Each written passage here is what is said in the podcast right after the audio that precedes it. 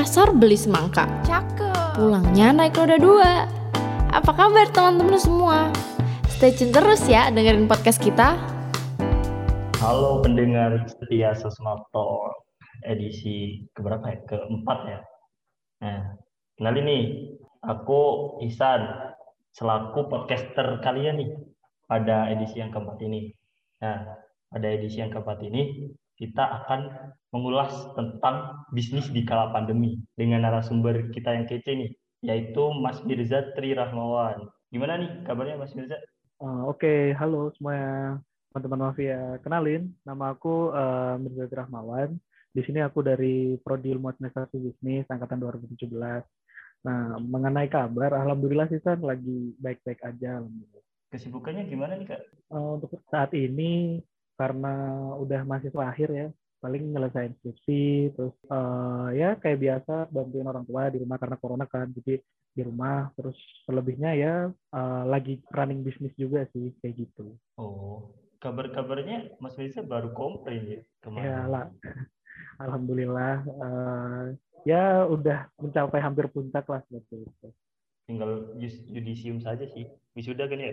Iya benar kalau boleh tahu tuh tadi kan nyinggung bisnis ya itu Mas Mirza bisnis di bagaimana maksudnya bisnis apa gitu? Oke jadi di sini uh, aku tuh ada bisnis cuci sepatu yang ada di Malang. Yang namanya itu Insya Allah Rijik kayak gitu. Kalau misalnya di bahasa Indonesia ini tuh uh, Insya Allah bersih kayak gitu oh. Itu bisnis sendiri apa sama ini sama teman-teman? Oh, jadi bisnis ini tuh kita bareng teman-teman pasti yang namanya bisnis kan kita nggak bisa sendirian ya kita juga punya partner punya teman-teman juga yang buat menyosong bisnis ini semakin maju gitu kan. Kayak gitu. Nah bisnis ini tuh udah lahir lah itu sekitar uh, tahun 2019 kayak gitu. Nah di situ uh, aku bareng teman-teman mayoritas SMA dulu dari SMA nah itu kita bikin bisnis ini gitu Oh, bagus sih. Uh, sebenarnya kalau aku lihat di Malang tuh bisnis kayak cuci sepatu tuh itu laku gitu loh. Kemarin-kemarin aku lihat juga ya di stok IG-nya Isa Origi kayak punya Mas Nisa tuh udah banyak banget gitu yang order gitu. Iya benar banget, benar banget. Jadi uh, alhamdulillah gitu karena kita juga mengawalinya udah dari lama ya. Jadi kita kan juga planning pasar juga ke depan seperti apa, promosinya juga kayak gitu. Kan kita ngelihat juga pasar kita sebenarnya di Malang ini kan kebanyakan mahasiswa kan, kayak banyak dari UB, UM, UIN, Poltek segala macam kayak gitu kan. Jadi kayak kenapa bikin bisnis itu karena ya kita melihat peluang pasarnya besar gitu. Hmm, prospek yang bagus sih. Nah, terus ngomong-ngomong nih kak, eh, akhir-akhir ini kan diberlakukan lagi ya kebijakan ppkm mikro di Indonesia. Nah, menurut Mas Mirza nih apa sih yang bisa bikin ppkm mikro ini diberlakukan lagi gitu? Oke, kita bahas tentang ppkm ya. Kalau menurutku ppkm ini bisa diberlakuin lagi karena ya itu kita melihat dari pelonjakan uh, ini terkena terpaparnya dari masyarakat Indonesia terhadap virus coronavirus itu kayak gitu jadi mungkin uh, pemerintah berusaha ya berusaha buat uh, menurunkan zona-zona uh, merah yang ada di beberapa daerah di Indonesia kayak gitu sih kalau menurut aku sih kayak gitu Oh, tapi kan kayak udah vaksin gitu loh. Kenapa kok masih di ini diberlakukan lagi? Padahal kayak misal kata-kata dulu tuh vaksin biar ini bisa ngelanjutin keseharian lagi seperti biasa gitu. Oke, okay. kalau ngomongin soal vaksin juga, menurut menurut saya ya, menurut saya itu uh, vaksin itu masih belum uh, merata kayak gitu. Mungkin uh, di beberapa orang atau di beberapa daerah itu mungkin udah dikenalkan lah, udah disosialisasiin tentang vaksin Astra dan sebagainya dan lain-lain. Nah, cuman kan kita balik lagi, kita itu di sini uh, berbanyak gitu. Kita masyarakat Indonesia ini punya masing-masing ideologi. Kadang-kadang kayak ada yang masih berpikiran ah ngapain sih vaksin kayak gitu. Kadang ah ya udah deh aku vaksin biar uh, bisa menjaga imun kayak gitu. Jadi kayak uh, permasalahannya adalah di mana pemerintah ini nantinya itu bisa meyakinkan masyarakat Indonesia buat mau vaksin kayak gitu dan tentang pemerataan kayak gitu. Karena pada awal-awal dulu kan yang divaksin kan setauku ya, setauku itu kayak masih orang-orang uh, pejabat terus guru atau dosen karena mereka kan yang melakukan pelaksana teknis untuk akademik dan pengurus pemerintah kan seperti kayak itu. Gitu sih. Hmm. Terus sebenarnya dulu tuh kan pas awal-awal diberlakukan PPKM mikro tuh sebenarnya uh, usaha dagang-dagang tuh kayak udah misal udah tinggi terus jatuh lagi, jatuh lagi dan lagi. Pas udah di misal udah dicabut nih, uh, pas dulu diberlakukannya PPKM tuh, tuh uh, teman-teman dari pedagang juga apa UMKM tuh sebenarnya bisa survive lagi gitu. Kenapa kok malah di ini lagi diberlakukan lagi kan PPKM nanti kayak kita harus bangun lagi dari awal. Nah, terus kayak uh, misal nih dari Mas Mirza ada ke sih kayak peluang-peluang uh, dari kita selaku bis pebisnis muda mungkin ya nanti menghadapi tantangan ini gitu. Oke, okay, jadi kayak peluang bisnis di setelah ppkm diberlakukan lagi, kayak gitu ya? Iya.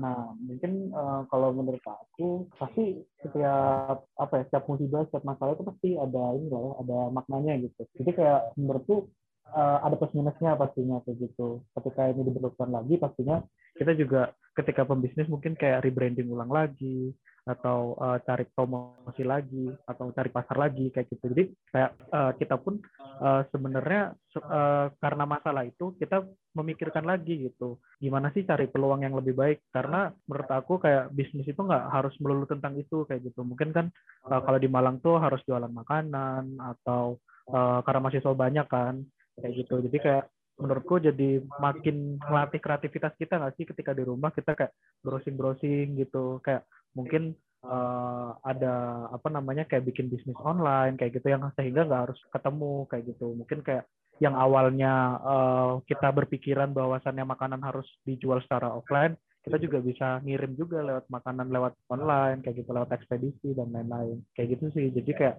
menurutku plusnya di situ kita bisa ngelatih kreativitas terus selain, itu juga kita juga bisa ngerti pasar kita lebih jauh lagi gitu karena lewat internet kan kayak gitu. Nah mungkin untuk minusnya ya itu tadi mungkin pasti di beberapa kalangan masyarakat uh, yang baru merintis bisnis mungkin agak kaget kayak gitu. Bahkan juga mungkin di beberapa daerah terpencil uh, maksudnya masih di daerah desa atau semacamnya itu kan masih belum tersosialisasi masalah seperti kayak di, di digital marketing gitu kan kayak gitu pokoknya sih kayak tetap uh, jaga protokol kesehatan aja sih menurutku ya gak sih Iya benar-benar itu juga pastilah kalau itu nah, ngomong-ngomong nih terus dalam masa ppkm ini ada gak pandangan Mas Mirza ke depan seperti kayak alur perekonomian itu seperti apa ya? Mungkin lebih kecilnya, skala kecilnya di, di lingkungan UMKM mikro ini, mikro kecil men, eh menengah ke kecil nih. Ah, Oke, okay. jadi menurut menurut aku ya, jadi kayak kalau misalnya dampak perekonomiannya kayak gimana, pastinya pasti berdampak kayak gitu. Yang apalagi di UMKM mikro, mungkin untuk startup atau bisnis bisnis besar kan udah paham lah ya dengan cara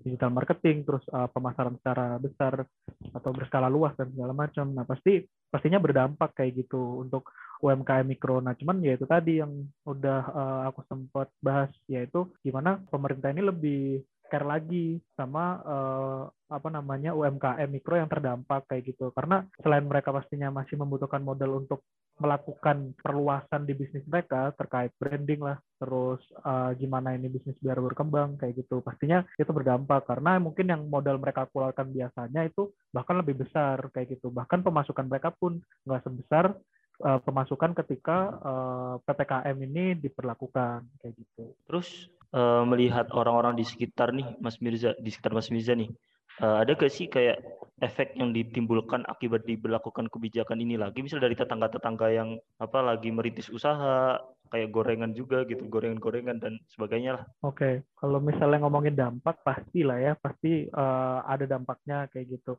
kalau yang aku rasain di sekitar lingkungan aku sih uh, bahkan ya emang bener tadi yang disebutin sama Isan kayak misalnya sampai mungkin ada yang uh, bangkrut kayak gitu ada yang di PHK dan segala macem nah itu hal-hal uh, yang mungkin terjadi cuman kayak menurutku ketika ketika ppkm ini diberlakukan itu juga seharusnya uh, kita nggak yang namanya terpungkur itu boleh kayak gitu. Jadi kayak mungkin uh, mereka kayak masih sedih atau kayak gimana. Nah cuman kan mereka pasti bakal nanti punya cara lain gitu gimana cara mereka buat build up lagi gitu entah bikin bisnis atau uh, cari kerja yang secara online kayak gitu kan. Pokoknya dari segi bisnis sih kalau menurutku nggak setengah-setengah gitu loh ngejalani misal kita udah ditempa misal kayak ujian kayak gini ya kayak lagi diberlakukan lagi ppkm mikro nih ini kan uh, ada pembatasan lagi kita harus bisa survive gitu loh harus punya cara lain uh, pikiran lain bahwa usaha kita tidak boleh berhenti dan harus terus maju lagi gitu. Benar benar uh, aku juga kayak apa ya lihat gitu loh uh, aku juga kan orang Gresik ya deket dengan deket dengan Surabaya juga kotanya nah tuh pas udah jam 8 malam ke atas itu jalanan di Tunjungan Plaza nih khususnya tuh uh, sepi banget gitu loh. Aku pada suatu ketika pas lagi-lagi diberlakukannya nih kayak oh ngerasa sepi gini ya. Kayak orang-orang Surabaya nih udah pada apa patuh nih terhadap uh, kebijakan yang dikeluarkan pemerintah nih gitu. Hmm, benar benar. Hmm, terus bagaimana sih kayak cara menyikapi kita sebagai anak muda dengan diberlakukannya lagi kebijakan ppkm ini?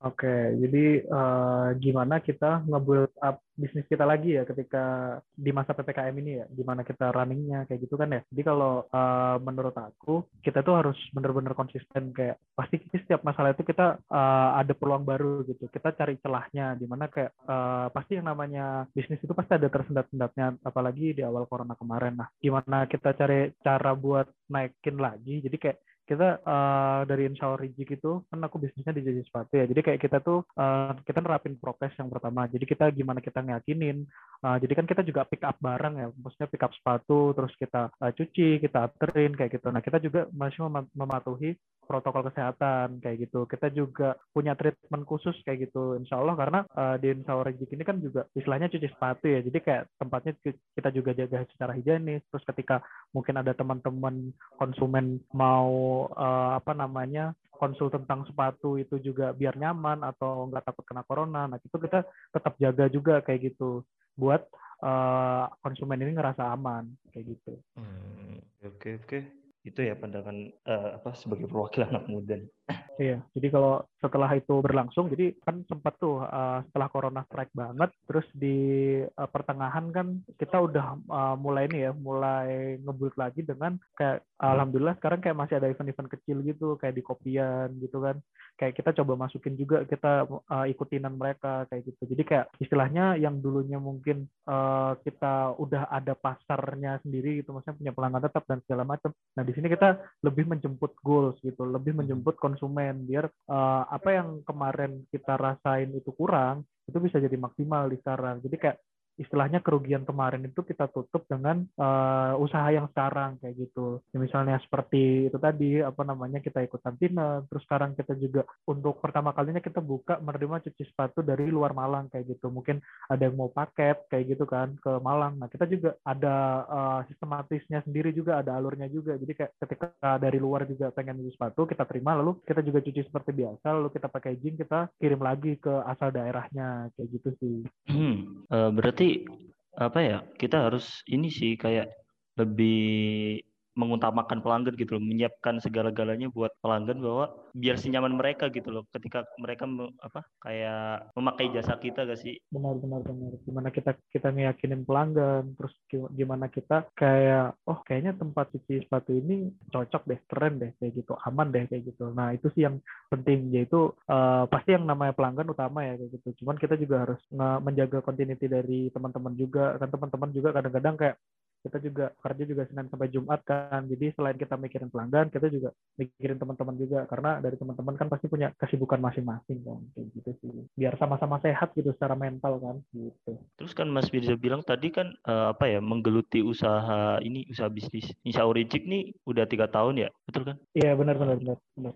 Terus semasa kuliah nih. Kan udah kayak ketimpa apa ya ketimpa jam kuliah terus kesibukan organisasi. Gimana sih kayak cara membagi waktunya gitu? Oke jadi kalau misalnya teman-teman mungkin ya mungkin kalau udah mau terjun bisnis dan segala macamnya berhubungan dengan bisnis intinya adalah itu komitmen dan totalitas gitu. Ketika kalian menerima keuntungan banyak gitu kan jangan keburu-buru dibuat beli ini itu ini itu gitu tapi coba ditabung. Terus apa keperluan dari bisnis itu gitu bisnis yang kalian jalani kayak gitu. Mungkin kekurangannya apa, yang dibutuhkan di store apa, misal kayak gitu. Nah, buat nah, bagi waktunya, kalau aku sendiri kan eh, kita kan uh, ngejalanin ini sekitar berenam ya kayak gitu. Dan itu kita kuliahnya juga beda-beda gitu. Ada yang di UB ada yang di UM ada yang di Poltek kayak gitu. Nah kita tuh sebenarnya uh, kita ada kayak biasanya sih kayak upload jadwal gitu jadwal kuliah waktu dulu. Terus kayak kita bikin jadwal shift kayak gitu. Jadi kalau misalnya nih aku kan mungkin kuliah kan nggak mungkin full ya Senin sampai Jumat gitu. Aku ngambilnya cuma empat hari kadang-kadang kayak mungkin Senin Selasa Rabu Kamis gitu. Terus Jumatnya karena aku libur tuh. Nah di situ aku sempetin lah kayak gitu. Jadi aku kosongin waktunya untuk jadwalku buat kerja kayak gitu sih. Jadi kayak lebih gimana kalian itu uh, apa ya memahami komitmen kayak gitu. Jadi kalau misalnya kalian udah berani terjun di bisnis terus mau punya kesibukan lain seperti kuliah ataupun mungkin ikut organisasi nah di situ uh, teman-teman juga harus patuh gitu. Kadang-kadang kan kayak orang ketika mau masih ngerintis bisnis kan kadang-kadang kayak masih ah males atau ah nunggu ini aja deh kayak gitu atau nggak inisiatif gitu atau kayak ah masih ada teman yang lain jadi teman-teman yang lain aja nah mungkin kayak gitu sih kalau dari aku. Jadi kayak lebih ngatur ini yang ngatur waktu terus bagi uh, apa tugas dengan rekan bisnis yang lain teman bisnis yang lain. Aku tuh kayak kayak inget ini kayak inget dulu zaman zaman mudanya siapa? Mark Zuckerberg. Nah tuh oh. yang punya Facebook. Nah tuh dia kan apa ya nawarin bisnis ke temannya dan langsung di apa langsung di accept gitu loh diterima. Dan sekarang udah besar. Jadi kayak ketika teman kita nawarin bisnis suatu peluang bisnis maka kita tuh jangan ragu-ragu gitu loh. Kayak untuk uh, apa saling bersama-sama gitu membangun bisnis. Benar, benar, benar, banget. Uh, ada gak sih kayak apa ya selama ngejalanin bisnis sih selama tiga tahun kurang lebih tiga tahun lah momen-momen menarik. Oke, nah momen menarik ya momen menarik menurutku adalah ketika bisnis itu turun gitu karena di situ adalah di mana posisinya ketika kita itu benar-benar harus bersatu gitu. Maksudnya yang namanya tim harus bersatu ya. Maksudnya kayak di mana kayak iya, kita tuh semua betul. mikir kayak gitu. Kita semua mikir kayak gimana nih kayak kita nutupin kekurangan kita gitu kita lagi di bawah gimana kita kan ada proses bondingnya juga kan sehingga tercipta proses bonding itu terus muncullah ide-ide yang baru kayak gitu. Terus kita kayak bonding tim nah kayak gitu. Ketika bonding tim itu kita nemuin hal baru nah hal baru itu ketika dieksekusi juga pasti nggak mungkin langsung kayak hasilnya wah gitu kan. Iya betul kita ketemu kita ketemu orang kayak gitu kita komunikasi orang gimana ngeyakinin konsumen. Nah, mungkin menurutku adalah uh, yang menarik tuh di situ kayak gitu prosesnya proses untuk mencapai bisnis ke tahap yang mungkin paling tinggi kayak gitulah. Kayak untuk mendapatkan pendapatan yang cukup tinggi. Nah itu prosesnya itu yang menurutku aku menarik gitu. Ketemu sama orang komunikasi dan segala macam itu pasti kan seru kan kayak gitu. Apalagi bareng teman-teman sendiri itu sekalian main lah sekalian nongkrong gitu. Sekalian cari duit kayak gitu. Terus nih pasti kayak motivasi yang benar-benar kuat dari Mas Mirza untuk terus konsisten ngejalan bisnis ini dengan teman-teman? Oke, okay, jadi kalau uh, jujur aja di sini aku juga bukan leader ya, maksudnya di Insa Orajik gitu. Aku juga kita di sini tuh sistemnya temen gitu, temen tapi uh, ada dengan prosedur bisnis. Kayak jadi kayak kita juga punya SOP kayak gitu. Jadi se seenggaknya ketika apa uh, ketika berjalan bisnis jadi kayak teman-teman nggak juga menyepelekan karena kadang-kadang kan kalau teman jadi kayak oh ya udahlah lu aja gitu misal kayak gitu kan nah kayak gitu jadi kayak kita tuh ngemotivasi saling satu sama lain itu gimana? Itu dengan capaian target kayak gitu. Jadi kayak ingat lagi apa proses awal kita bikin bisnis ini gitu. Kita udah niatin terus kita udah alhamdulillah punya nama yang cukup di Malang gitu setelah tiga tahun ini gitu. Jadi kayak kita balik lagi kita mikirin konsumen kita kita mikirin pasar kita kayak gitu. Jadi kayak gimana bis apa bisnis cuci sepatu ini juga tetap hidup kayak gitu sih kalau dari aku gitu. Gimana ngeyakinin tim sih. Hmm. jadi kalau misalnya di bisnis itu ketika kita berpartnership gitu ya maksudnya sama teman-teman kita punya rekan tim gitu jadi gimana kita itu punya satu visi satu tujuan yang kita tuh masih harus bareng-bareng untuk mewujudin itu gitu loh. Kayak gitu. Jangan sampai uh, apa namanya ketika kita kita running bisnis nih misalnya lima orang terus kayak empat orang ada di visi itu satu orang ini udah males-malesan dan uh, nggak uh, mau mencapai visi itu itu pasti kan bakal akan terjadi sesuatu yang tidak baik ke depannya kan. Nah kayak gitu sih. Kalau aku sih selain mengutamakan pelanggan jadi kayak kita harus nge-build tim kita tuh tetap solid buat nyampain buat uh, ngecapai target itu gitu. Hmm, intinya saling apa ya saling percaya aja sih ya benar, dan benar. saling membackup satu sama lain gitu loh. Ketika benar, misal uh, ada apa rekan bisnis kita yang lagi sakit terus gimana itu harus kita pikirin. Benar-benar. Backup. Nah gitu. Ya, Jelas nih, las tips-tips buat ngejalanin apa ya untuk memulai lah, untuk memulai suatu bisnis ketika uh, masa pandemi juga dan kita sedang berkuliah juga gitu loh. Oke. Jadi entah ini monoton atau enggak menurut teman-teman, tapi kalau ini dari sisi aku ya dari yang aku jalanin ketika bener-bener teman-teman pengen ngelakuin bisnis adalah gimana kalian tuh yakin dengan diri kalian sendiri dulu kayak gitu. Jangan memulai apa pun. Jadi yakinin diri dulu kalau bahwasannya kalian punya komitmen yang kuat untuk membuat bisnis.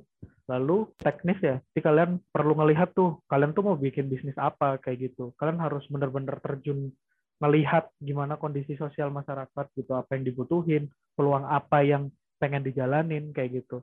Terus kayak kalian uh, cari tahu lah ABC-nya itu apa. Nah itu di situ kalian mungkin bisa baru mikirkan bagaimana produk ini tuh bisa punya nilai di masyarakat. Kayak gitu punya nilai plus yang uh, yang nggak dipunyain oleh pembisnis lain kayak gitu. Terlebih itu uh, untuk masalah modal dan segalanya itu itu nanti kayak gitu. Karena menurutku uh, ketika kalian ada ide kalian hanya perlu channel gitu. Kalian hanya perlu membutuhkan orang-orang yang atau tim yang bisa buat mewujudkan bisnis itu kayak gitu. Jadi kayak mungkin kamu punya uh, salah satu Ihsan misalnya punya ide gitu ya. Terus mungkin Ihsan nanti cari teman-teman yang lain nih, cari teman-teman yang buat uh, invest atau pemodal kayak gitu. Orang yang punya konsep secara teknis, punya teman yang paling ngerti tentang hal A gitu misalnya yang mau dibutuhkan apa. Nah itu yang menurutku kayak jadinya insya Allah nanti teman-teman itu bisnisnya bisa kuat gitu untuk di awal kayak gitu yang pastinya.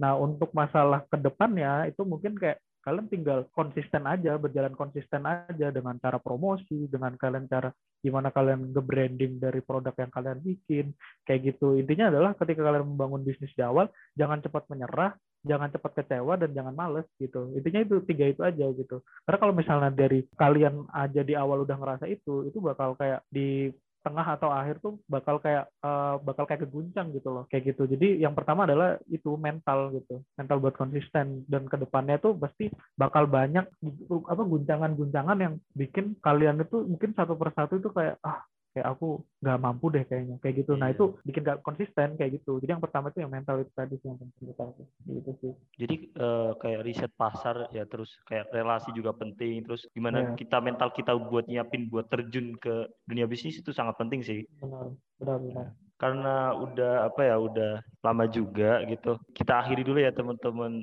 pendengar setia Sosma Talk. Nah, uh, mungkin kata-kata terakhir nih dari Mas Mirza Oke, kata-kata terakhir tentang apa dulu nih tentang bisnis atau tentang apa nih? Ya pokoknya motivasi juga boleh, bisnis juga boleh gitu. Oke, mungkin kalau bisnis tadi ya, maksudnya kayak uh, udah udah aku jelasin gitu. Mungkin pesan dari aku, mungkin yang masih kuliah atau yang masih uh, apa ya masih muda lah kayak gitu. Pokoknya intinya jangan sampai kalian itu nggak ngelakuin apa-apa gitu di masa muda kalian. Entah kalian mau ikut organisasi, entah kalian itu mau uh, kuliah untuk mencapai kumlot dan lomba, entah itu kalian mau bikin bisnis, entah kalian itu berdiskusi, menambah insight dan segala macam. Pokoknya apa pun yang kalian pilih, apa pun yang kalian pengen, apa yang kalian tuju itu uh, harus ada goalsnya kayak gitu.